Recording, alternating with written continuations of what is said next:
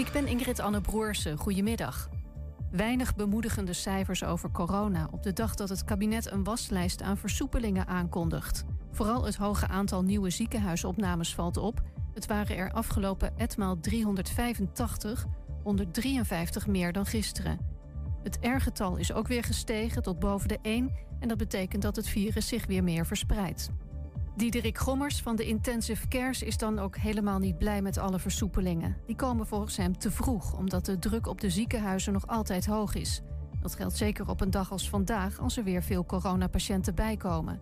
FNV Zorg en Welzijn zegt dat het kabinet Russisch roulette speelt met de ziekenhuiszorg. De burgemeester van Ede is blij met de arrestaties na de aanval op een persfotograaf en zijn vriendin in Lunteren. Hij noemt de beelden ervan ronduit schokkend en zegt dat het veel erger had kunnen aflopen. De persfotograaf werd bedreigd en toen hij eenmaal in zijn auto zat, werd hij een sloot ingeduwd. De politie van Leeuwarden heeft iemand opgepakt die een man zou hebben bedreigd met een zwaard na een ruzie over geluidsoverlast. De bedreigde man vluchtte meteen zijn huis in en belde de politie. Die heeft de man met het zwaard opgepakt en het wapen in beslag genomen. Het weer, er is een mix van zon en stapelwolken. Morgen wordt het wat koeler met 9 tot 13 graden en er kan ook wat lichte regen vallen. En tot zover het ANP-nieuws. Ik, Hendrik Jan Bukkers, mag de winnende bedrijfslogan van de streektaalmond meer bekendmaken. Hij komt van het Kappershuis in Wien. En geet zo. Het Kappershuis in Wien. Voor het nettere kap- en snoeiwerk halen we het bij ons mooie keunenmerk. Iedereen verlangt naar een leven zonder coronaregels. Vaccineren is hierin de belangrijkste stap. En die stap komt steeds dichterbij. Elk vaccin dat straks is goedgekeurd, is op tienduizenden mensen getest. Zo weten we zeker dat het ons goed beschermt tegen het virus. En ook veilig is. Als we ons laten vaccineren, krijgen we stapje voor stapje meer vrijheid terug. Het is begrijpelijk als je vragen hebt. Antwoorden vind je op coronavaccinatie.nl. 120. Weet wat er speelt in Twente. Iedere dag praten we hierbij over alles wat er in Twente gebeurt. Via radio, tv en online. 120. Hallo? Kijk, dat is een goed begin, hè? Hij doet het. Persconferenties, versoepelingen, vermoedelijk de meest gehoorde woorden van vandaag. Want komen er niet aan. Terrassen, markten, winkels, pretparken, het komt allemaal voorbij. Yes, en een UT-docent die alles weet van economie en voetbal over de Super League. Die feitelijk, feitelijk kats buitenspel eh, blijkt te staan. Terugfluiten die handel dus. Ja, verder aandacht voor een zoekte ge- geraakte mammoet. Collega Elke ging alvast op jacht. En wellicht alvast een tipje van de sluier op van Hengeloos. Hengeloos Spel voor vanavond. En Hengeloos... Oh, eh, we hebben een Hengeloos studentenbaantjesplatform dat internationaal wil. Ja, dit is 120 vandaag van dinsdag 20 april 2021.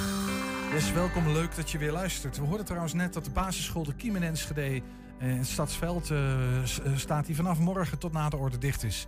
Er is daar een eh, corona-uitbraak, ehm, heeft daar plaatsgevonden. Spannend.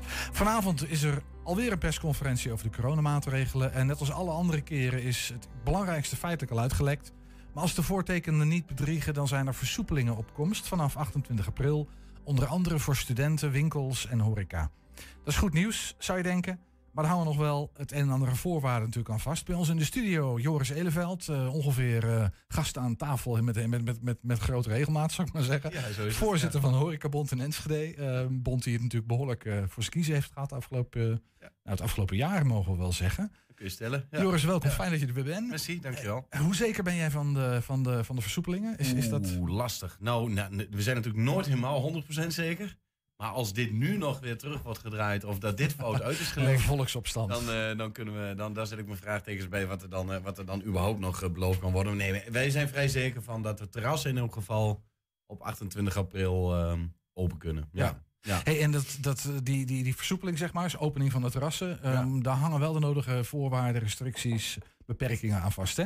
Ja. Eh, wat is daar al van bekend? Wat, wat, wat weet jij daarvan? Ja, volgens mij nog niks zeker. Alleen wat wij lezen eh, en al mijn collega's om mij heen natuurlijk ook. We doen gewoon Eh, even de roddelrubriek nu. Hè? Ja, dat snap ik ook. Zekerheid. We, zullen, we hebben nog nooit... Het is allemaal een beetje speculeren. Maar wat ik zie is dat inderdaad 50 eh, personen per terras mogen plaatsnemen. Kun jij die dan- kwijt, 50? op Ja, maar, ja, dat kan zeker. Normaal gesproken hebben we...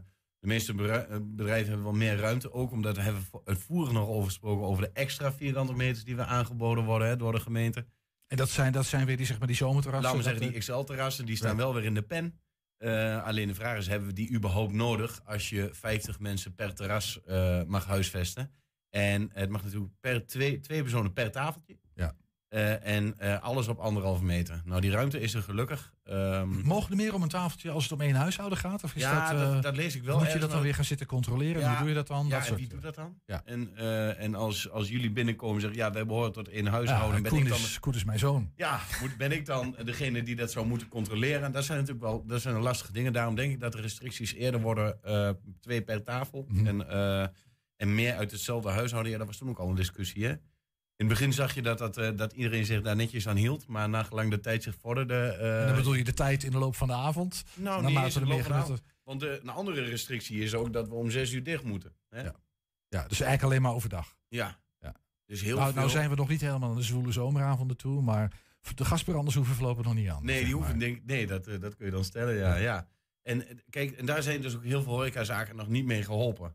Hè, dus de, ehm, eh, je kunt wel zeggen, ja, dat Maar je zou toch kunnen zeggen, alle beetjes helpen? Of, of is dat te simplistisch? Nou, dat, kijk, de, de vraag natuurlijk, kijk, ik wil niet te negatief zijn. Hè. Iedereen is hartstikke blij dat er weer wat versoepelingen aan zijn gekondigd. En daar zijn we ook heel tevreden mee. Maar een heel groot gedeelte van de restaurants is hier natuurlijk gewoon niks bij geholpen.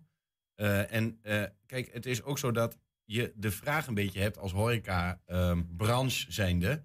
Ehm, eh, hè, als je de horeca niet open doet of de terrassen niet open doet, dat levert dus schijnbaar nog gevaarlijker, gevaarlijkere situaties op de terrassen op. Dus eigenlijk is het een bliksemafleider. Ja, het lijkt er wel een beetje op. Ja, dus Ja. mensen niet te veel naar de parken of naar de... Nou ja, precies, zodat er wat extra sociale controle is ontstaan. Ja. Hè? En, eh, Maar hadden we dat wisten we toch van tevoren? Ik heb, al- ik heb heel vaak tegen elkaar gezegd, volgens mij.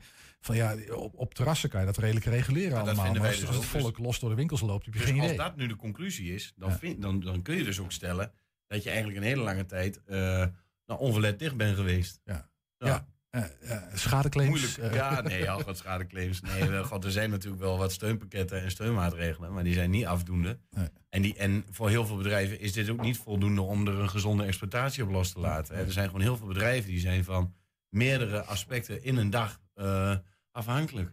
Dus met alleen een... een, een Jij bedoelt van het terras en van s'avonds binnen. nou, van s'avonds en, van- eten en, eh, en borrelen. En, eh, en nu Ja. ben je natuurlijk een paar uur eh, open op een Ja. dag.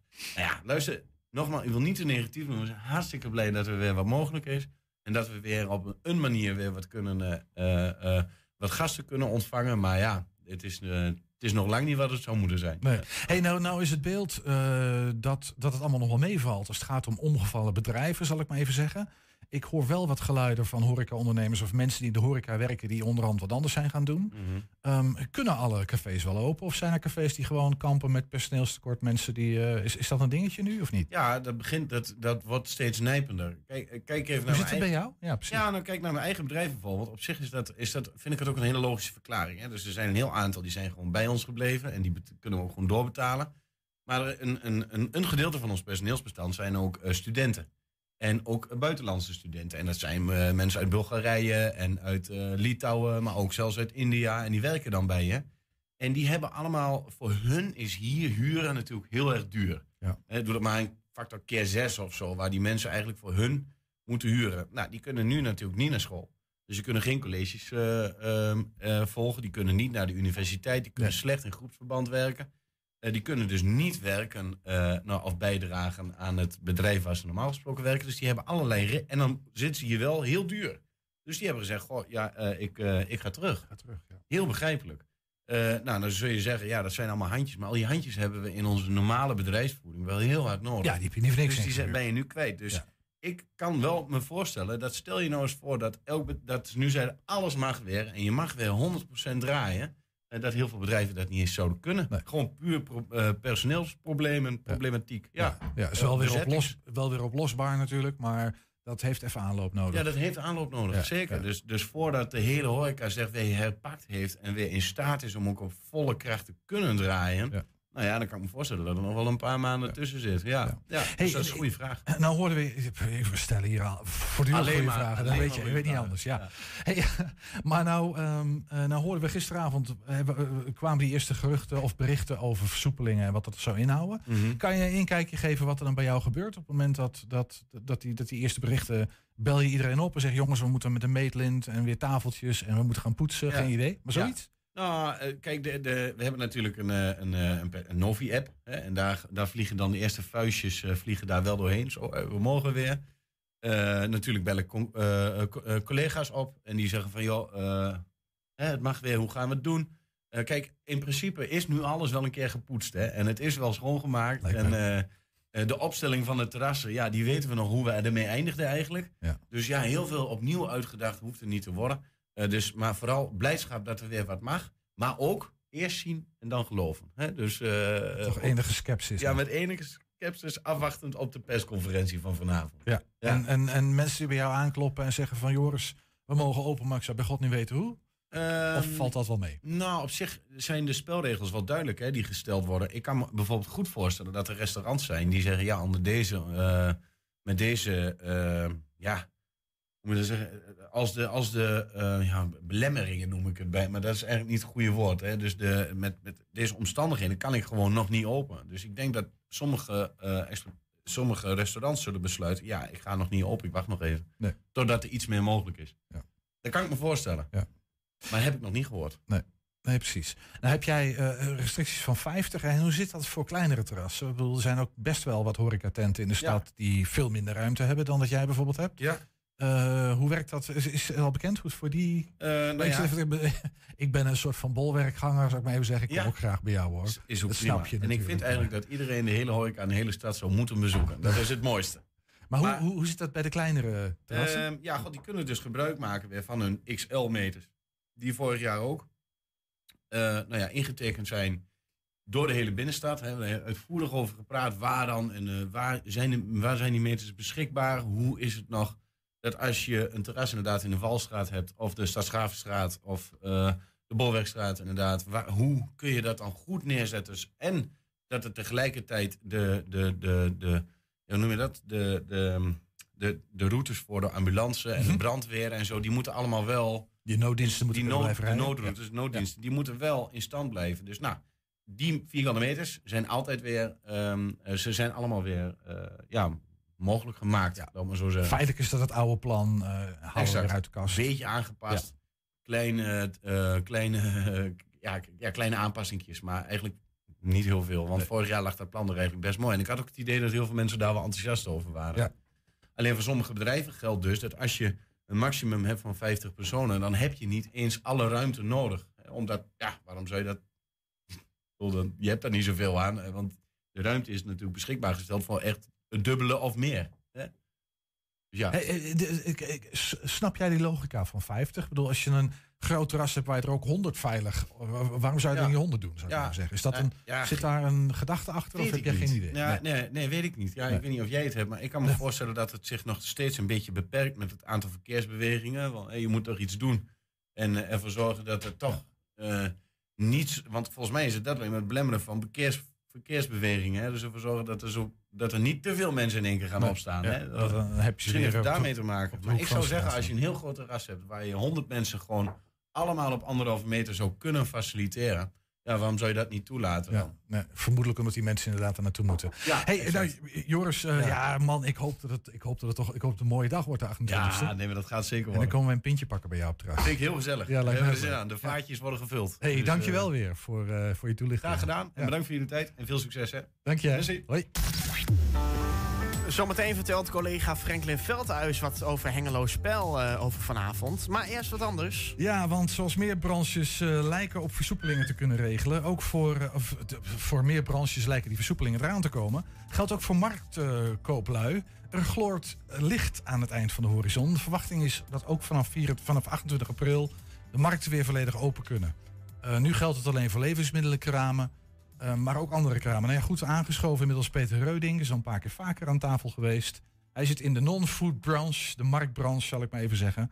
Eh, ook even met jou, Peter. 28 april. Ehm, versoepelingen. Eh, jij stond met je arm in de lucht, eh, juichend. ehm, Je zoende je vrouw, kan mij het schelen. Was het feest of is het, ben je voorzichtig? Nou ja, je bent natuurlijk wel voorzichtig. Maar ja, dit is eindelijk wel iets, een soort van perspectief wat je weer krijgt. Mhm. En uh, daar hebben we heel lang op gewacht. Uh, Ja. Bijna vier maanden. Ja, 17 december, even uit mijn hoofd hè? Geloof 15. ik? 15. Ja. twee dagen, ja precies. Hey, nou hadden jullie een kort geding in voorbereiding. Eh, ik weet niet precies wat dat kort geding om, behelsde. Is dat nu klaar van tafel? Hoeft niet meer? Of heb, zouten jullie dat toch nog even op? Nee, zeker niet. Het is nog niet van tafel. Kijk, eh, we krijgen de 28e krijgen we een uitspraak. En eh, daar willen we gewoon nog steeds op wachten. Maar we hebben dat ook nodig, die uitspraak, vind ik. Oké, die uitspraak komt gewoon. Ja. En, en eh, wat is het element, of wat zijn de elementen in dat kort geding... dat nu met de eventuele versoepelingen zeg maar nog niet verholpen is? Waarvoor daar willen we toch een uitspraak over hebben. Nou ja, je Waar gaat het sowieso- over? je wil sowieso jurisprudentie, denk ik. Hè? Kijk, je weet nooit wat in de toekomst nog kan gebeuren. En, Stel, de eh, boel gaat weer dicht en dan komt de vierde golf of een vijfde. Ja, god, Dat. ik heb geen glazen bol. Er is Nee, zoveel gebeurd in een jaar. En eh, ja, ik heb zoiets van laten we even afwachten wat er nou gaat gebeuren. En die jurisprudentie kan ons misschien wel helpen eh, in de toekomst. Dus gewoon, jullie, in die zin zetten jullie het kort geding gewoon voort. Ja. Ja, en wat zei jij nou? Ach, de uitspraak wanneer? Is eh, 28 april. Dat is, dat is karma. Nou ja, ik heb het al een keer eerder gezegd. Je hebt bijna het gevoel dat het een soort van strategie is. Want ja, we zijn al eh, eind februari begonnen met dit kortgeding. Ja. En in de tussentijd hebben verschillende branches hebben al een uitspraak gehad. Ja, en dan bij ons duurt het allemaal heel erg lang. En wij verwachten eigenlijk ook eh, dat het eh, toch wel positief voor ons gaat uitvallen, dit kortgeding. Oké, want wat zijn, je, wat zijn je argumenten? Nou ja, goed, de argumenten zijn overduidelijk. We hebben eh, aangetoond al eerder ook dat we gewoon op een veilige manier kunnen ondernemen. En dat is ook wel een beetje wat dus nu overheerst. Dat we denken van ja, goed, waarom zijn we al die tijd gesloten geweest? Hè? We staan in de buitenlucht. Als je ook kijkt naar de, ja, zeg maar de besmettingsgraad van eh, 0,1% in de buitenlucht. Mhm. Ja, goed. eh, Waar gaat het over? Dan, Waar gaat het dan waarom over? zou je dat dan niet doen? nou ja, hey, en nou, nou, ja, je zegt je hebt geen glazen bol. Dat wil ik ogenblikkelijk van je geloven. Alhoewel, je weet nooit, ergens een zoldertje misschien. Maar jij denkt vast over de toekomst na. Eh, stel dat die, dat die rechter in het kort geding eh, uitspraak doet... en zegt, ja, jullie hebben al die tijd gelijk gehad. Heeft dat dan nog... Zijn er dan nog... Leidt dat tot claims of, of, of andere... Ja, daar Of- kan ik of- nog niet echt een uitspraak over doen. Dan moeten we met ons eh, juridische eh, loket moeten we daarover praten. En met, eh, met onze advocaat natuurlijk. En die buigt zich daar dan gegarandeerd over. Maar goed, we kunnen in eerste instantie nou eens eerst even afwachten wat, wat die uitspraak wordt van die rechter. Ja. Maar goed, eh, we zijn er wel vrijwel bijna zeker van natuurlijk dat er vanavond eh, een versoepeling voor ons aan zit te komen. Hey, hoe ziet die versoepeling voor jullie eruit? Ik bedoel, voor, we hebben net even Joris hier gehad, hè, die wat vertelde over die terrassen.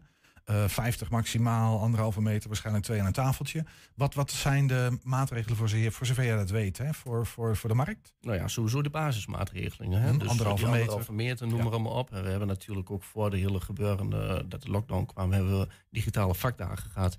En eh, daarin eh, hebben we ook uitgelegd hè, van hoe kun je nog veiliger eh, zeg maar, op de markt omgaan met je klant. Ehm, heel veel ondernemers die weten ook daar heel goed mee om te gaan. Maar het is dan vooral aan de klant om daar ook slim mee om te gaan. Hè. Zorg er in ieder geval voor dat je die anderhalve meter afstand houdt. Kom alleen naar de markt. Net zoals met de winkels. Of met z'n tweeën huishouden? Dat kan toch ja, ook, maar ga nou niet in een groep en maak er een uitje van. Hè? En eh, kom verspreid over de dag. Mhm. En nu, als de non-food ook weer terugkomt, zul je ook zien dat het veel veiliger is op de markt. Want Omdat hebt, het volk zich meer spreidt. ja, je hebt een veel betere spreiding. Kijk, Ja. nou heb je misschien wel twee kaasboeren naast elkaar staan. Ja, dan staat er bijvoorbeeld in met kleding tussen. Die heeft wat minder mensen voor de kraam. Ja, je kunt het al uitrekenen. Dat is gewoon veel veiliger. Hey, en ehm, hebben jullie zelf nog een zeg maar, verantwoordelijkheid of een rol in, in begeleiding van eh, klanten? Eh, ik bedoel, in, in, in winkels is het idee dat daar wat meer op gelet gaat worden of zo, geloof ik. Dat wordt ruimer, maar daar wordt er wel toezicht of iets in die sfeer. Is dat op de markt ook het geval of weet je dat nog niet? Nou, dat is nog niet helemaal duidelijk. Nee. Maar eh, het is in ieder geval wel dat je, je kunt je eigen eh, maatregelen natuurlijk voor je kraam al nemen. Hè. Sta je bijvoorbeeld met een groentekraam of met andere artikelen. Dan kun je natuurlijk al, doordat je de, ja, voor jouw kraam zeg maar anderhalve meter ruimte maakt tussen Ja. de plekken. Ja. dat zijn natuurlijk hele makkelijke oplossingen waarmee je heel veel problemen tackelt. Ja. Nou, heel veel van die dingen die zijn al in place natuurlijk. Alleen dan voor nu Ja. alleen maar voedsel, Ja. levensmiddelen. Ja. En datzelfde geldt natuurlijk voor die non-food, eh, Ja, het non-food verhaal. Ja. Hey, en, en eh, hoe werkt het nou bij jullie? Want je, ja goed, 28 april mag het waarschijnlijk weer. Ehm, jij bent je voorraden aan het checken. Wat, wat moet ik me er voorstellen? Hoe, hoe gaat dat dan? Nou ja, heel veel eh, ondernemers hebben natuurlijk al heel veel voorraad. Hè, maar die hebben al ingekocht in verband met zomergoederen. Ja. En uh, nou ja, ik zelf heb ook gewoon de handel al uh, compleet. Dus uh, we staan eigenlijk in de startblokken om te beginnen. En we zijn daar ook wel heel erg blij met dit soort ja, vooraangekondigde nieuws. Ja, en jij hebt al je mensen nog die je nodig hebt om de, kraan te kunnen, de kraam te kunnen bemensen en dat soort dingen? Ja, ik ben een eenmanszaak, maar ja, je hebt natuurlijk wel collega's die wel personeel in dienst hebben. Ja, goed. En als die bijvoorbeeld een nul-urencontract hebben gehad, er zijn natuurlijk ook wel ja, personeelsleden die een andere baan zijn gaan zoeken in de tussentijd. Dus die moeten ook, net zoals wat je ook wel misschien in de horeca ziet, gaan zoeken weer naar nieuwe mensen. Maar goed, we kunnen in ieder geval weer starten. En uh, ja, vooral de, de, de non-food ondernemers, die doen het vaak toch wel alleen of misschien met nog één personeelslid erbij. Ja, ja, ja. ja. Hey, ik dacht nog heel even terug, want ik hoorde jou net uh, iets zeggen over, god, het lijkt wel uh, bijna geregisseerd, zou ik maar even zeggen. Ja.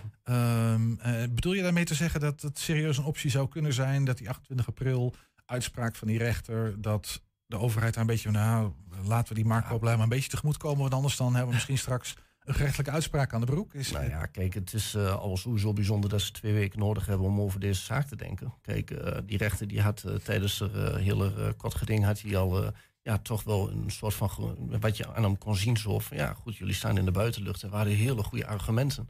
Dus ja, die twee weken was natuurlijk weer even het rekken van het hele verhaal. En ja, als je al vanaf sinds februari hiermee bezig bent, ja, dan frustreert het natuurlijk wel heel erg dat het elke keer weer langer wordt opgeschoven. En wat ik al eerder zei, ze maken steeds die tunnel langer. Dus uh, ik ben heel erg blij ook dat, uh, ja, dat er toch nog een, lichtpuntje nou aan zit te komen. En dat, ja, dat de mensen gewoon weer ook uh, financieel weer wat kunnen. Want dat was natuurlijk het grootste probleem. Heel veel ondernemers die hadden het echt heel erg moeilijk. En er waren gelukkig nog ook heel veel collega's in de non-food die nog hele leuke ja, voedselpakketten hebben samengesteld voor de non-food ondernemers, wat gewoon echt een hart onder de riem zat. Zag je in heel Nederland, in Tilburg. Maar je bedoelt dat de voedselmarkt uh, ja, dat van de, de, de voedselpakketten, voed, bij wijze van voedselbank, zou ik maar nou, nee, dat, dat niet, maar gewoon foodproducten van de hele markt werd dan gewoon als een hart onder de riem aan de oh ja. collega's gegeven. Als gebaar. Uh, als een gebaar, zo van jongens, uh, we denken aan jullie. Ja. En uh, je zag het van de week in Tilburg, je hebt het in Urk gezien, maar ook bij ons in Haaksbergen. Dus dat zijn natuurlijk mooie initiatieven. Ja zeker. Dus die marktloop, uh, het, het, marktvolk zoekt elkaar nog steeds nou, wel Je merkt gewoon dat de collegialiteit heel hoog ligt. En je merkt ook aan de food ook dat ze zeggen van we hebben jullie ook erbij nodig, want dan zijn we pas compleet. Heb jij begrip voor de stap voor stap uh, versoepelingen, zal ik maar even zeggen? Of zeg je van nou, het gaat veel te langzaam? Dit is, uh... nou ja, het, het, is natuurlijk wel een feit wat er allemaal gebeurt in die ziekenhuizen. Kijk, we kunnen daar niet zeggen van er gebeurt niks. Maar waar het kan, moet je gewoon open. En dat had sneller gekund, wat en, jou betreft. Nou ja, met bepaalde sectoren zal dat wel kunnen, ja. ja. Ik vind dat met de horeca had het ook iets sneller gekund. Ja. En uh, nou, de markt al sowieso had sowieso nooit in gemogen. Nee. Nooit. Nou, de 28e mag je weer. Heerlijk. ik heb er zin in. heb je alle nieuwe kreten voorbereiding? ik nou ja, goed, uh, ik moet er weer even in komen. Hè? Ja, dat snap ik. Bedoel, ik ja. uh, dat even een tijdje geleden. Ja, nou heb ik laatst een keertje gedaan voor de deur. dat, was, uh, dat was dan wel weer even leuk. Maar goed, dan merk je wel gewoon dat, dat je graag weer aan de slag wil. Ja, want uh, ja, vier maanden thuis zitten, dat is ook niet geen wat je wil. Nee, nou lekker aan de bak weer. Juist. Dankjewel. Oké, okay, dankjewel. Ja, we praten zo over de Super League, die hartstikke illegaal blijkt te zijn. Maar eerst even wat anders. Ja, vanavond hebben we weer uh, opnames voor de maandelijkse talkshow Hengelo Spel. Met enige creativiteit zou je vanavond het thema vrijheid als rode draad kunnen zien. Um, aan de telefoon een collega Franklin Veldhuis, als het goed is. Uh, yep. Die uh, het zweet op zijn voorrug heeft staan waarschijnlijk. Voorbereiding aan het treffen voor vanavond. Hi Franklin. Oh, nee. nee. we waren lekker op, op schema, dus dat komt helemaal goed. Ah. Je klinkt heel relaxed, dat is fijn. Jazeker. hey, vrijheid als rode draad. Hoezo? Ja, ja nou ja, je zoekt altijd een rode draad. Hè? Dus eerst zoek je de gasten bij elkaar en dan ga je kijken of er een rode draad is. En die hebben we toch wel weten te vinden. Uh, de eerste twee gasten, die, die, uh, dat is niet zo heel moeilijk. Dat heeft echt te maken met de bevrijding en met uh, hoe wij tegenwoordig tegen vrijheid aankijken. Wie zijn dat, de eerste twee gasten? Dat is de, de burgemeester van Hengelo samen met Henry Porter, een, een bevrijder. -huh. Die in 1945 Hengelo heeft bevrijd. En nog altijd onder ons is en ook al die jaren in Hengelo is gebleven. Inmiddels 95 jaar oud. Wow. Um, we zijn heel benieuwd naar, naar zijn verhaal, hoe ja. hij de bevrijding heeft beleefd en hoe hij ja, um, het al die jaren hier heeft uitgehouden in dit toch wel heel andere land als Engelsman. Maar hij is, is, is, is, deze, is, is deze porter na de bevrijding gewoon in Hengelo gebleven? Ja, ja hij heeft hier een, een, een, een schone dame uit Delden aan de haak ja, geslagen en is hier gebleven. ja. Ah, cool. Ja, mooi. En, en burgemeester Schelberg, wat komt hij doen bij jullie? Nou, die, ja, die, uh, die heeft ook van alles met vrijheid uiteraard. Is ook echt een ambassadeur. En hij wil juist nu uh, de jeugd erbij betrekken. Hoe vinden zij dat er uh, vrijheid moet worden gevierd, moet worden herdacht? Eh, moeten we dat blijven doen zoals we het altijd deden? Hè? Eh, terug, vooral terugblikken of moeten we ook het, eh, het nu erbij betrekken en, en kijken naar ons eigen handelen? Ja, en gaat, gaat, gaat hij dat vanavond in de uitzending doen of gaat hij vanavond uitleggen wat, wat hij wil gaan doen? Nee, dat, dat, dat in Hengelo is er een website of een app, baas boven baas. En daarin wordt met name de jeugd gevraagd om ideeën in te vullen, in te spreken, filmpjes aan te leveren over, over hoe zij het zien, die, die viering van de vrijheid. En eh, de hele maand april is de maand van de vrijheid in Hengelo, want Hengelo is bevrijd op 3 april Mhm. eh, destijds. En nou ja, over een aantal weken dan vieren wij landelijk eh, bevrijdingsdag. En in die periode mag iedereen erover meedenken via een, een app en een website. Right, dus vanavond daar aan aandacht. Wat heb je verder nog meer? Dan hebben wij, ja, je zou het kunnen noemen de coronabevrijdingsdag. Daar, daar zitten we allemaal natuurlijk naar te smachten. Hoe gaan we straks het leven weer vieren als het allemaal kan? Ja. We spreken met Hilde Dijsselboom, bestuursvoorzitter van ziekenhuis ZGT en huisarts Maarten Jansen. Ehm, ja, die allebei natuurlijk eh, het nodige te vertellen hebben over hoe het nu gaat met vaccineren, met de, de zorg in het ziekenhuis. En eh, met Dijsselboom hebben we het ook over het feit dat het eh, ziekenhuis vorige maand is toegelaten tot een, ja, een bijzondere club samenwerkende topklinische ziekenhuizen, waardoor ze nog meer zorg kunnen bieden hier in de regio, samen met de andere ziekenhuizen in Twente. Dus die- ze zijn onderdeel van die topklinische ziekenhuizen. Wat, wat houdt dat precies in, Franklin? Is dat een soort van, dan mag je meedoen met de grote jongens? Is dat ongeveer? Ja, ja dan, eh, het is nu zo dat ze, eh, het MST heeft het al een, een tijdje, die, eh, die kwalificatie, dat label. En ehm, nu hoeven we eigenlijk eh, niet meer de regio uit voor eh, welke vorm van zorg dan ook. Eh, dankzij die, eh, die promotie. En we gaan straks vragen in de uitzending aan Dijsselbloem wat het precies inhoudt. En eh, ja, hoe dat eh, eh, ook in de toekomst gewaarborgd blijft. Dat we dit, eh, die zorg ook op niveau blijven. Want we krijgen natuurlijk steeds meer zorg nodig de komende tientallen jaren. Omdat we allemaal ouder worden. Vergrijzing. Ja, ze moeten ons gaan verzorgen straks, eh, Franklin. Wat heb je nog meer? Ja, Heb je nog wat of is dit? het? we hebben nog iets. We hebben nog twee items. Eh, we hebben een, een video weer van de Hengeloze begraafplaats aan de Bonense straat. Met een mooi verhaal eh, eh, over de geschiedenis van Hengelo. Aan, aan de hand van eh, twee levensverhalen van mensen die daar op de begraafplaats liggen. En we sluiten af met een, een vrolijk onderwerp. eh, de Waarbeek die gaat ook weer open binnenkort. Dat kan allemaal weer. En we hebben de directeur van de Waarbeek bij ons aan tafel, Kevin Moespot. Alright. En wanneer en waar kunnen we kijken? We kunnen vanavond live meekijken tussen, tussen eh, ik denken, 7 en 8. Ja. Dus dan mag je de persconferentie van, van Rutte en de jongen even eh, laten liggen. Want dat weten we allemaal al wat er gezegd gaat worden. Ja. En dan kijk je via 120.nl eh, kijk je live mee. En we komende vrijdagavond via de tv-kanalen van 120 is het ook, nog een keer eh, helemaal te zien. Tussen 10 en 11 's avonds. Top, dankjewel Franklin. Veel plezier. Dankjewel. En jij ook nog. Succes ermee. En we gaan straks op zoek naar een mammoet. Een mammoet? Een mammoet.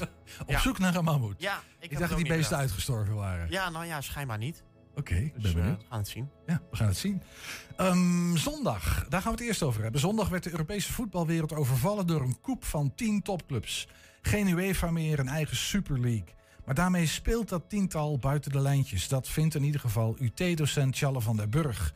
De tien koepplegers lappen Europese concurrentieregels aan hun laars. Als het goed is hebben we op de Zoom eh Challe van der, van, der, van, der, van der Burg. Ik zie hem al zitten. Hallo Challe. Ja, goedemiddag. Goedemiddag. De verbinding is er, dat is fijn. Goedemiddag. Hey, ehm, eh, wie- is, eh, misschien heel even kort, wie is Challe van den Burg? En waarom, eh, waarom heeft u een mening over dit onderwerp? Ja, ik, ik ben econoom aan de Universiteit Twente. Ik ben universitair docent. En ik doe ook onderzoek. En een van de richtingen waarin ik onderzoek doe, is de economie van de sport. En ja, toevallig kreeg ik op dat gebied eh, een paar jaar geleden een nieuw idee, wat ook een beetje met eh, het recht te maken had. Eh, daar houden economen houden zich ook bezig met mededingingswetgeving. Ja. Dat ligt een beetje tussen de economie en de juristen in, zeg maar. Nou, toen had ik een nieuw idee en dat heb ik uitgewerkt en dat is eind december gepubliceerd in een Engels wetenschappelijk tijdschrift. Daar gaan we het zo, daar gaan we zo denk ik even over hebben. Ik vermoed dat het idee raakt aan... opeens toen Ja, ja. ze met deze Super League kwamen. Ja, precies. Ja, maar het idee van de Super League is natuurlijk niet nieuw. Ehm, was jij nog verrast zondag door die koep of had je het zien aankomen? Nou ja, in 1998 is eigenlijk de eerste koep geprobeerd. Toen was er al een plan voor de Super League en daar zouden ook een aantal clubs aan meedoen. Er waren toen een aantal bekende mediamagnaten, Rupert Murdoch, Kirch uit Duitsland. En eh, ja, nog één, maar die was ook bekend, die ben ik vergeten. En dat plan is toen niet doorgegaan. En een van de gevolgen daarvan is wel, en daar kunnen we het vandaag misschien ook over hebben, behalve over alleen die Super League. Door dat dreigement hebben die clubs wel invloed op de UEFA gehad. Want wat vervolgens gebeurde, en wat ook dit jaar aan het gebeuren is, er komt eerst een dreigement. het, het, eerste dreigement van die Super League waar we het nu al over hadden, dat is al van deze herfst. Dat gebeurt altijd vlak voordat de UEFA zijn competities gaat hervormen. En omdat de UEFA zo bang is voor het dreigement van een Super League, waardoor dus een aantal clubs uit de competities van de UEFA Cup, van de UEFA verdwijnen. Mhm. De UEFA is daar bang voor en die past dan de Champions League en ook de Europa League aan aan de wensen van de grote clubs. Waardoor de ongelijkheid in het voetbal toeneemt. Dus dit proces van dreigen met de Super League en dan de Champions League hervormen, Ja. dat is al 22 jaar oud. Eh, ook die dreigementen zijn illegaal. Wat we nou heel misschien zien is Misschien dat heel even de om je, voor om je, om even te onderbreken. serieus is. Om, om- je even te onderbreken. eh eh, Challe, je zou denken dan toch, dit is een succesvolle formule. We gaan dreigen en dan gaat die UEFA die gaat zijn eh, regels voor de Champions League aanpassen. Eh, en daar worden die grote clubs beter van. Hè? Dat is wat er gebeurt. Waarom hebben ze dan nu toch die koep gepleegd? Waarom is dat een soort ultiem dreigement? Of is, is het alleen een dreigement Nou, of is dit serieus? Ja, daarover verschillen de meningen de laatste dag. Sommige mensen zeggen nog steeds het is een dreigement. Anderen zeggen het is serieus. Het kan zijn dat hier partijen, echt kapitaalkrachtige partijen als Amazon of Google achter zitten. Die dus eigenaar willen worden van de content, de, de inhoud van het voetbal, de voetbalbeelden. Hoe speculatief is dat, eh, Challe? Wat zeg je? Hoe speculatief is dat? Of zijn daar Nou, concreet aanwijzingen eh, voor? Jan de Jong, de directeur van de Eredivisie eh, CV, de vroeger de directeur van Feyenoord, die heeft gezegd wat ik zojuist zei over dat, dat dus partijen als Google en Amazon, die zoeken content. Dat zijn ze ook aan het doen in de Amerikaanse sporten. En kijk, die kunnen gerust een aantal jaren miljarden investeren. Dat, dat kunnen ze verliezen als ze dan uiteindelijk die rechten maar krijgen. En Dus, eh, het heel even- heel- even- heel even is voor- op termijn heel aantrekkelijk. Heel even voor mijn begrip. Dus het zou kunnen dat, eh, en daar zijn een soort van aanwijzingen voor, want dat gebeurt in Amerika bijvoorbeeld ook, dat de Googles en de Amazons van deze wereld op de een of andere manier invloed willen uitoefenen op, of in ieder geval de rechten willen hebben van wedstrijden in een Europese voetbalcompetitie. En daar geld aan willen gaan verdienen en daarin investeren. Maar dan hebben zij toch lijntjes met deze tien topclubs bijvoorbeeld? Die, die spannen ze toch niet zomaar voor hun karretje? Dat zou kunnen. Maar, spe- maar dat, kijk, dat is allemaal geheim. Eh, tw- 22 jaar geleden was het ook geheim. Toen kwam uiteindelijk naar voren dat de mediamagnaten van toen, Rupert Murdoch en zo, daarachter zaten. Ja. Nou, die worden nou minder belangrijk in vergelijking met Amazon en Google en zo. Dus eh, dit zijn in elk geval de geruchten, of in elk geval de mogelijkheden. Of dat zo is, het, het is nogal een geheime exercitie natuurlijk voor een groot deel. Ja, snap ik. Oké. Nou, we gaan daar niet verder over speculeren. Maar ik ben wel even benieuwd, Challe, naar. ehm, eh, want jij zegt dit is oneerlijke concurrentie. Dit is in strijd met Europese ehm, mededingingsregels. Hoe, Ja. hoe werkt dat? Waar, waar, waar zit hem dat in? De, de Europese mededingingsregels zeggen dat overeenkomsten tussen clubs die de mededinging, dus de competitie, beperken, die zijn illegaal. In welk opzicht? overeenkomsten tussen ondernemingen. En juristen zijn het erover eens dat profclubs ondernemingen zijn. Mhm. Dus eh, als die Super League de concurrentie gaat verminderen, dan is het illegaal. Dat, dat volgt heel logisch uit de wet. Maar Nou hoe, verminderen de ze de concurrentie? die- Maar hoe werkt Sorry? dat? Hoe verminderen ze die concurrentie? Hoe werkt dat? Nou, om een voorbeeld te geven, het beste voorbeeld van dit moment is Liverpool. Daar heb je twee clubs, Everton en Liverpool. Mhm. Beide hebben in principe de kans om ooit de hoogste Europese titel te winnen.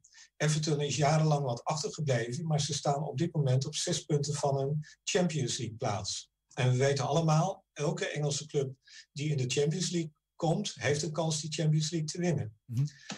Nou, clubs die concurreren om fans en supporters.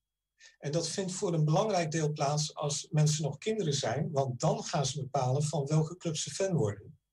Dus kijk nou eens naar een, een meisje in Liverpool dat eh, al voetbal speelt, maar nog net geen fan is geworden van een club. Maar dat gaat binnenkort waarschijnlijk wel gebeuren. Wat wil zij? Zij wil eigenlijk een Engelse club. Daar wil je fan van zijn als Engels, Engelse vrouw in dit geval. Ja. En eh, zij wil het liefst een club waarbij ze ook naar het stadion kan. Nou, dan zijn er eh, Everton en Liverpool. Wat ze ook nog wil, waarschijnlijk, is dat die club de hoogste Europese titel kan winnen. Mhm. En ze vindt het niet erg, mogelijk, dat Everton de underdog is. Want wat is mooier dan de underdog die wint? We hebben allemaal Feyenoord kampioen zien worden drie jaar geleden. Nou, dat feest was tien keer zo mooi als het gemiddelde feest van Ajax. Ik ga daar niet over met je in Dus discussie. Dat meisje heeft op dit moment, zonder die Super League, heeft ze de keus tussen Liverpool en Everton. So far, so good. En daardoor, daardoor moet Liverpool de prijs laag houden. Die gaat dus nou zeggen, ja, maar dan moeten die, die shirts, die clubshirts in wit, waarin dat meisje misschien al speelt, die moeten goedkoop zijn, want haar vriendinnetjes of vriendjes spelen dan misschien ook in het Liverpool shirt en dan wordt zij fan van Liverpool. Ja. Dus ze moeten de prijs laag houden, ook van het stadion voor het geval dat meisje daar een keer met haar vader naartoe mag. Helder. Dus die concurrentie tussen Liverpool en Everton in dit geval, die verlaagt de prijzen. Nou komt de Super League. Everton, volgens de plannen, zit niet bij die zes Engelse clubs die mogen meedoen. Liverpool wel. Mhm. Dus over vijf jaar, als dat project een succes is geworden, en we hebben dan een meisje van negen jaar wat moet kiezen. Ja. En dat meisje wil per se een club die ooit eens een keer in haar leven de hoogste Europese titel haalt. Mhm. Net zo goed als ik als Feyenoord-fan hoop dat ooit nog een keer. Nou, dat meisje kan niet meer voor Everton kiezen. Dus de competitie, de economische competitie tussen Liverpool en Everton is minder geworden. Helder. Maar dan heb jij het over de competitie op nationaal niveau. Ja, want uh, En- maar dit is Europees. voetbalclubs om fans, om stadionbezoekers, om televisiekijkers, om, om mensen die clubmerchandise kopen, die vindt vooral plaats op nationaal niveau. Een jongen uit Nederland wil ook fan worden van een Nederlandse club. Ja. Straks speelt alleen Ajax in die Super League. Er komen maar twintig clubs in. Ja, dat is willen ze niet. hè? Dat willen ze één niet. Nederlandse club, Ajax. Ze hebben al gezegd dat ze dat niet gaan doen, hè? Dat willen ze niet. Maar ehm, Nou, nee, nee, dat, dat zeggen ze nou even. Dat hadden ze ook al twee dagen geleden kunnen zeggen. Maar misschien hebben ze even gewacht om te kijken hoe hard de reacties waren. ik hoor een Feyenoord hard. Maar, Eh, ja, dat is waar. ja, zie je. Maar, ehm, ehm, eh, die, en die Europese regels, die gaan dus niet over Europe zeg maar, Europese, eh, Europese competitie, maar die gaan, op, die gaan over nationale concurrentie. Ja, nou, de, de Europese regel is dat, dat overal waar iets wat op Europees niveau gebeurt, de concurrentie schaadt, dan is het fout. En er is al lang beslist dat in dit geval, in gevallen als deze, de, de nationale markten de markten zijn waarop de concurrentie plaatsvindt. Maar wat is er Dus nieuw, de nou, nou, naar. we moeten zo gaan afronden, maar ik ben toch benieuwd, want wat is er nieuw, Tjalle? Want dit was toch al lang aan de, aan, aan de orde? Ik bedoel, de, de, de, de topclubs, ook in, in Ajax bijvoorbeeld, die, die strijken toch al veel meer geld op uit die, uit die Champions League, waar ze dan toch met enige regelmaat aan deelnemen, waardoor de concurrentie in Nederland veel, eh, het gat met de rest veel groter wordt. Dit is niks nieuws, toch? Of wel? Nou, het argument is wel nieuw. Daardoor heeft de wetenschappelijk tijdschrift het ook geaccepteerd. Right. Als het niet nieuw was geweest, hadden ze dat niet geaccepteerd. Oké, had die en die meer moeten aanhalen. Hey, en, en, Dus- maar dat betekent dus dat, dat Europa een juridische stok heeft om deze tien clubs terug in hun hok te slaan. Klopt ja, het is heel simpel volgens mij. En, en gaan ze dat doen, denk je? Of, of geen, ja, Nou, ze zullen het moeten doen. En als ze het niet doen, dan kan er iemand naar de Europese Commissie gaan om te klagen. En dan, dan zullen ze het moeten doen. Dus Je moet alleen even, even simpel nadenken, dat is eigenlijk anders. Want Ja. je ziet nou ook dat het Europese parlement is ook helemaal tegen de Super League. De Engelse minister heeft bijna oorlog aangekondigd tegen die zes Engelse clubs. En, en er wordt in Engeland gesproken, ja, dan, dan gaan we de wegen naar het stadion ook niet meer onderhouden. Dat soort dingen. oké. Als ik jou zo hoor, Dit- klinkt het het hele idee van die Super League is een beetje storm in een glas water. En eh, dat is één tik over de vingers en het is klaar. Nou, zolang je ze juridisch niet aanpakt, Ja. zullen partijen als Google en Amazon op den duur, misschien niet nu, maar anders over tien jaar, zullen ze die kant op gaan. Want wat wel gebeurt, is dat de huidige competities steeds minder spannend worden en dus steeds minder leuk. Ja. En op een gegeven moment, dan, dan zijn de Engelse competities ook niet meer leuk. Dus dan krijg je ook niet meer die protesten in Engeland. Dan zeggen mensen, ja, het was niet leuk, laten we eens iets anders proberen.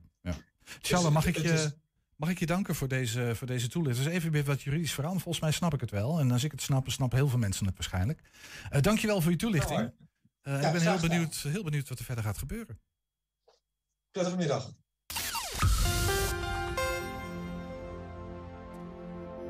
Ja, dit is de tweede dag van de Museumweek. Dat is leuk, zou je denken. Maar uh, voor de Enschedese Museumfabriek uh, startte deze week met een klein drama. Misschien een groot drama, beter gezegd. Want de mammoet is gejat. het, is niet te geloven, hij is weg. Hij is Futsi. Er is een mega zoektocht op touw gezet om die uit de kluiten gegroeide, dat fossiel, terug te kunnen vinden. wij namen een kijkje en we spraken met Edwin Plokker, de redder in allernood. Ja, we hebben wel een, een uh, flink probleem hier. Want uh, het is deze week uh, ja, Nationale Museumweek. En ons pronkstuk van ons museum is gestolen. De, ja, de mammoet.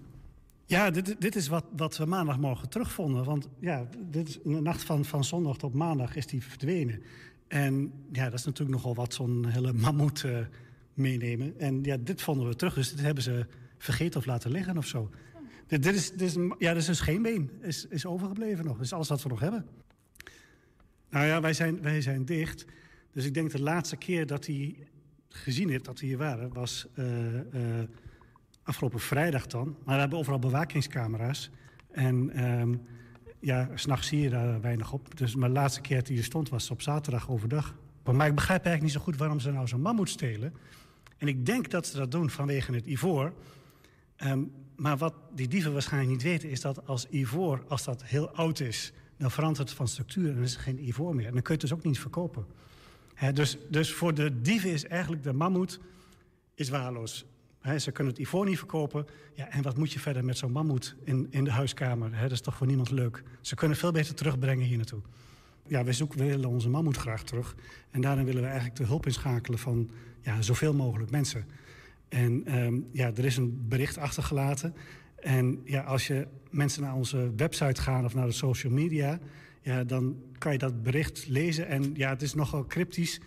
Um, maar misschien, als heel veel mensen eraan werken... dan, ja, dan kunnen we het bericht ontcijferen... en uh, kunnen we onze mammoet misschien terugvinden. is dat is toch niet te geloven? Je verliest toch een mammoet. Ja, Hoe kan gebeuren. Ja, foutje. Ja, ik, ik heb ze altijd heel hoog gehad hoor, die jongens van het museumfabriek. ik mag ze graag, maar, maar dit is toch wel een stunt hoor. Ja, ja, ja. Jij was er niet? Nee, ik, kom op. Ja. Wat moet ik met een mammoet? Uh, uh, ja, weet ik niet. Je zegt net nog dat ze nee. op marktplaats worden verkocht. Zo, zo, zo, fossiel ben ik nog niet. Hey, zometeen een theaterdier dat een testevenement overleefde.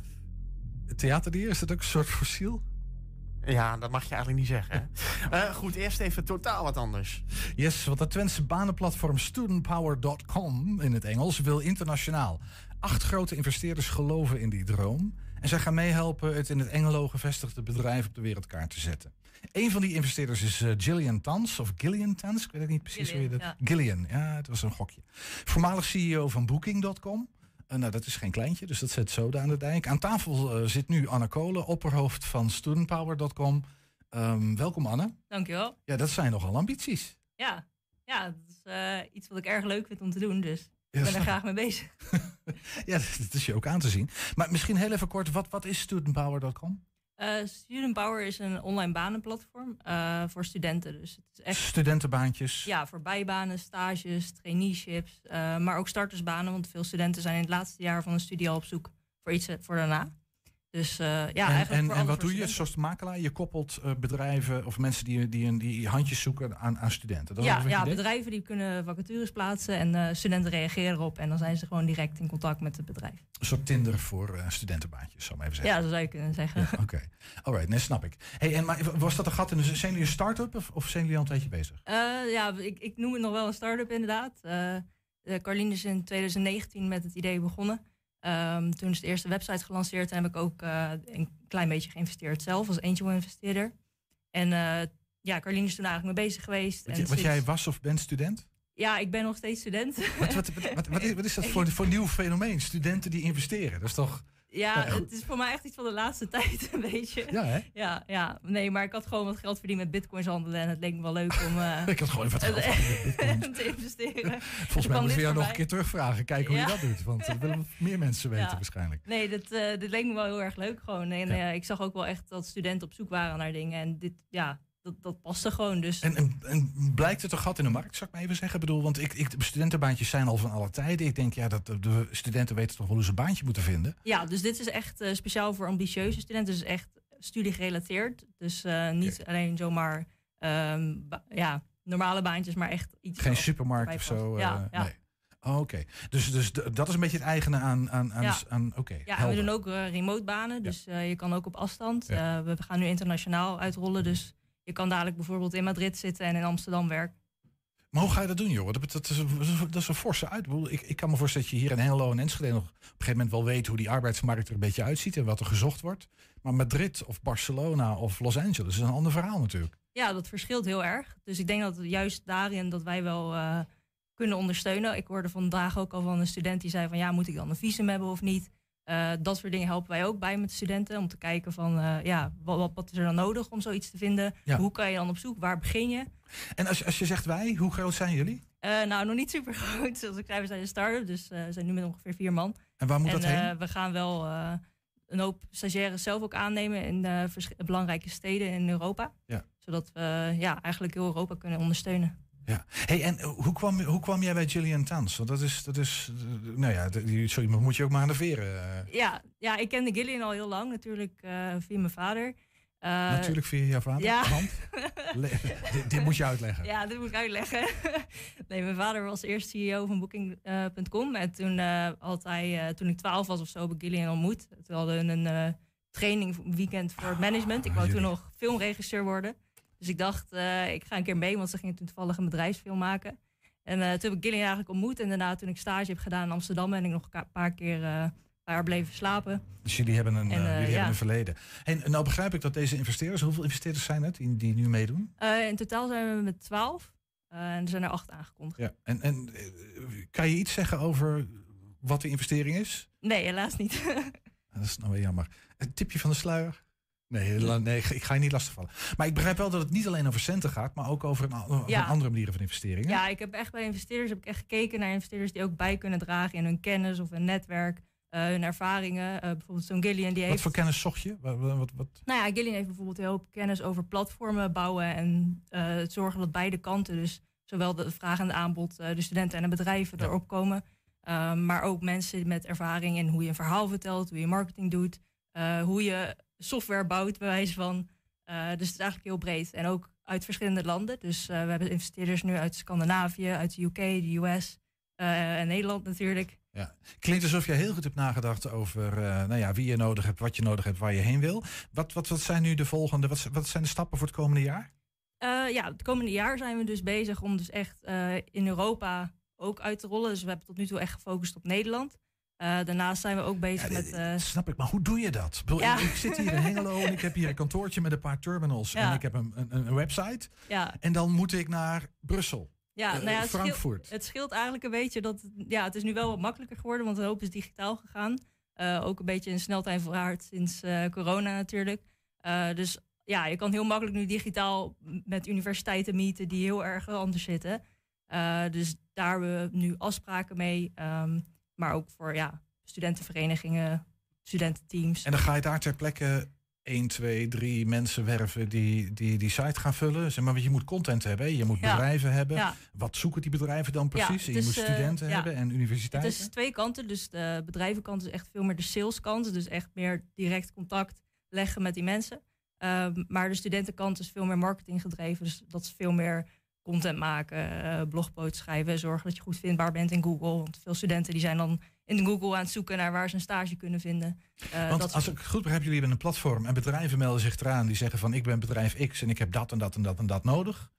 En, en studenten eh, loggen in en die zeggen ik ben student Y Ja. en ik kan dit, dit, dit en dit. Ja, en studenten die zien dan die vacatures ook staan. En die zeggen van nou, dit Ja. lijkt me wel leuk, dus ik ga me aanmelden. Ja. En soms dan vragen ze ons van ja, weet je iets wat dan bij mij past? En dan kijken we even zelf en dan bevelen we dat aan. Ja, ja. Is, is, is dit betrekkelijk nieuw, zeg maar, in studentenbanenland? Of, of, of zijn er concurrenten waar jullie tegen moeten gaan opboksen? Of, eh, Eh, nou ja, er zijn natuurlijk wel een hoop eh, gewoon banenplatformen. Ja. Maar een hoop zijn niet echt specifiek voor studenten gericht.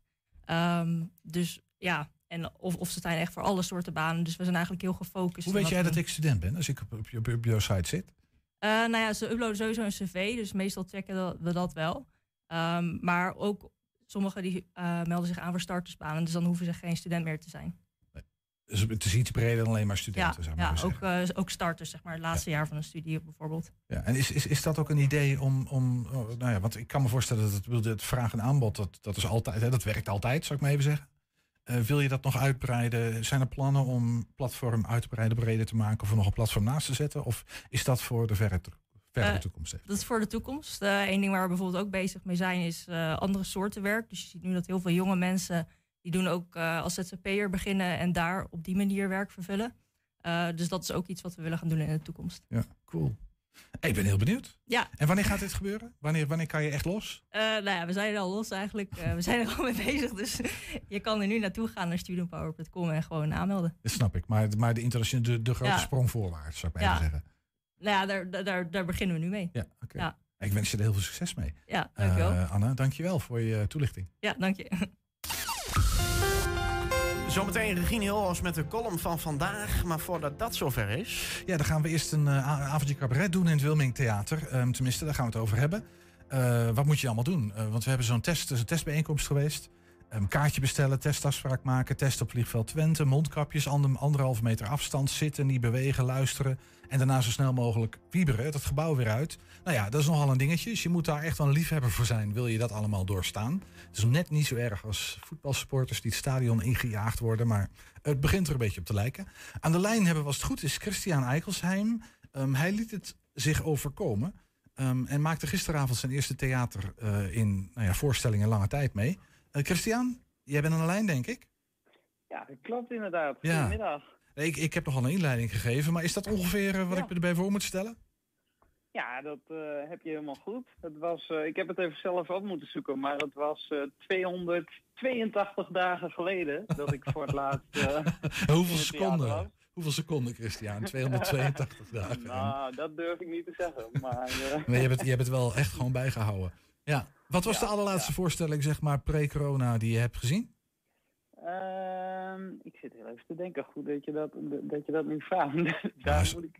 Op zich Eh, ja, nee, dat weet ik wel. Eh Willemijn Verkijk trad op in het eh Wilming Theater met een concert. Dat was eigenlijk al ook in een setting dat ze eventjes ja, beperkt open mochten. Right. Met een maximaal aantal bezoekers en ook die anderhalve meter. Ja, dus jij bent echt een diehard. Hoe vaak, hoe vaak ging jij gemiddeld? En zeg maar, onder normale omstandigheden? Wat, geef eens een... Ja, ik denk dat ik bijna wel maandelijks in het theater te vinden was. Dus Ja. ja. ik denk zeker wel 10, 15 keer per jaar eh, ging ik wel. En waar, komt dat, waar, waar komt dat virus vandaan? Dat theatervirus? Ehm, ja, uit China, nee. Grapje natuurlijk, maar... Nou, dat had eh, maar zo gekund. Ik had, ja. ik had je op je woord geloofd, geloof ik. Nee, ik heb eigenlijk, eh, ja, van jongs af aan vond ik dat al heel interessant, leuk om, om daar naartoe te gaan. Eh, nou moet ik zeggen, mijn partner is ook wel heel theater-minded, dus dat versterkt elkaar dan wel heel erg. Dat je eh, allebei dingen ziet die je leuk vindt. En dan eh, triggert dat wel om te zeggen van, nou, we, we gaan die kant op. Ja. Hey, dus nu mocht je weer. En ja, het, was, het was jou zoveel waard dat je ook al die, al die moeite daarvoor hebt gedaan, zal ik maar even zeggen. Mhm. Testen, snel testen. En, en moet je nou, dat vroeg ik me af, moet je nou na afloop van zo'n van zo'n voorstelling een paar dagen daarna opnieuw laten testen? Nee, in dit geval niet. Ehm, omdat het natuurlijk iets ja, eenmaligs is en, en ze ja, gaan er toch wel van uit, hey, iedereen is negatief getest. Dus het zou bijna niet moeten kunnen dat je dan eh, wat oploopt. Want zowel de mensen voor als achter de schermen worden allemaal getest. Oké, dus de risico's in die zin dan misschien heel klein. Het was gisteravond, Ja. hè? Dat klopt. Wat Ja, heb je ge- volgens mij heb jij, eh, volgens mij heb jij onze Twentse cabaretiers gezien, dat klopt, hè? Dat klopt. Ja, Hoe hoe was het? Baardman, Helle Hendrik, Jan Rieswijk, Anne Manuel. Ja. ontzettend leuk. Uh, Thijs Kemperink uh, was de gast hier. En uh, het café ging weer open. Nou, dat is natuurlijk iets wat we in Twente en in heel Nederland ontzettend graag willen. En in het Wilming Theater was dat eventjes het geval. Ja. Dus, hoeveel, hoeveel, hoeveel, met, met, met hoeveel mede-theaterdieren heb jij daar gezeten? Hoeveel, hoeveel, hoeveel publiek was er? Volgens mij zaten er nu een, een stuk of 150 uh, mensen in de zaal. Oké, okay, en dan stel ik me voor een ja. zaal met, met tafeltjes waar je met z'n tweeën aan zit. Is dat ongeveer... Of Klopt helemaal. Gereserveerd, ja, precies ze, dat. Ze hebben het een stukje omgebouwd. Dus je zit uh, eigenlijk deels op het toneel en deels uh, in de zaal. Ja. En uh, ja, allemaal aan tafeltjes, twee aan twee. Ja. ja. Klinkt cool. Hey, en nou ja, dat hele gedoe, was, was het de moeite waard? Ja, jij bent enthousiast. Volgens mij is dat een obligate vraag. Maar... Ja, ik vond het zeker wel de moeite waard. Het, uh, het enthousiasme spatte er vanaf, zowel bij de cabaretiers die ontzettend blij waren dat er weer publiek was al- als ook de medewerkers van het Wilmink, die gewoon eh, het heel tof vinden om weer eh, bezoekers in hun theater te hebben. Dus ja, in, in dat oogopzicht vond ik het zeker de moeite waard. En ja, er is natuurlijk veel discussie gaande van moet, moet je dit nou wel of niet willen. Maar in mijn ogen is dit echt een tussenfase en zijn we onderweg naar, naar een wereld waarin we gewoon weer naar een theater kunnen. En, en is dit even een tijdelijk iets. Maar goed, misschien ben ik een eeuwige optimist daarin. Ja, nou ja, dat, dat weten we niet. Maar, maar ik vroeg me wel even af, stel dat corona nog een tijd eh, onder ons is. Eh, met dank, nee hoor, ik wou zeggen met dank aan de Chinezen. Maar dat is onzin. maar stel dat het nog een tijdje zo is. Zou jij dit gewoon, eh, stel, maar je kan elke, zou jij elke maand bereid zijn om, om deze, nou ja, deze, deze dans te doen, zal ik maar zeggen, om weer naar theater te kunnen?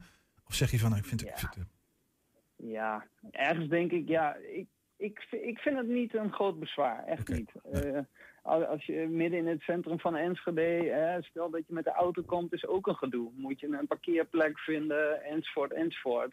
Eh, daar stap je ook heel makkelijk overheen.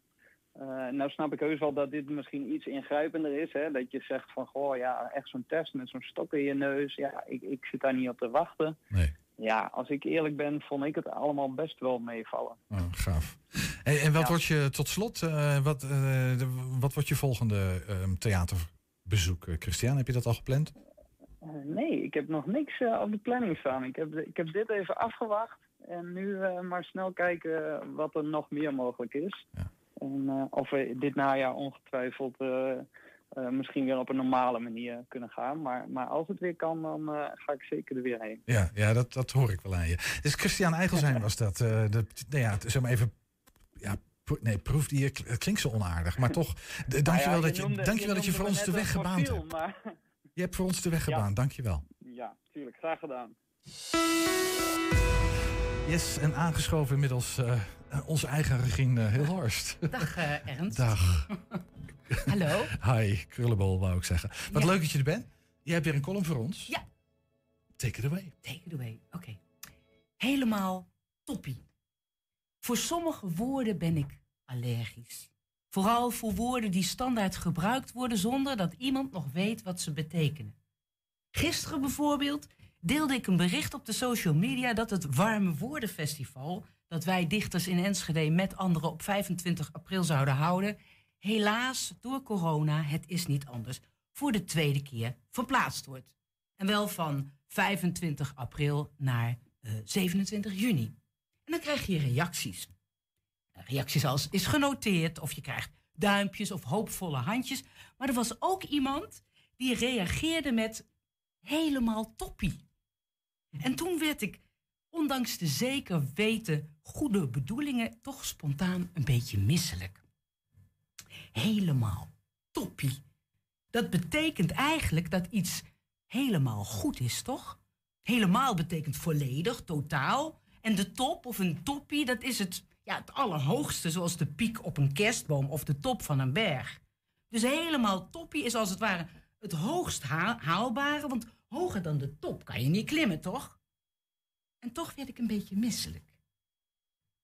Waarschijnlijk bedoelde de schrijver dat het helemaal toppie is als ons Warme Woordenfestival op 27 juni wel door kan gaan. Maar toen ik het las, dacht ik, en dat zullen wel onverwerkte jeugdtrauma's zijn of zo. Ik dacht niet zulke warme woorden. Ik dacht, what the fuck? Hoezo is dit helemaal toppie? Dit is helemaal niet top. Dit is eerder nogal dal.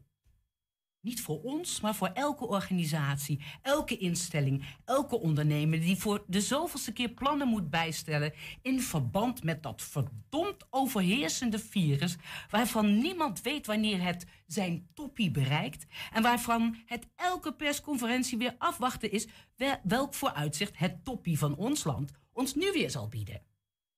Waar, waarna waarschijnlijk het vooruitzicht wordt bijgesteld en een terugblik wordt van hoe het al was. Afijn.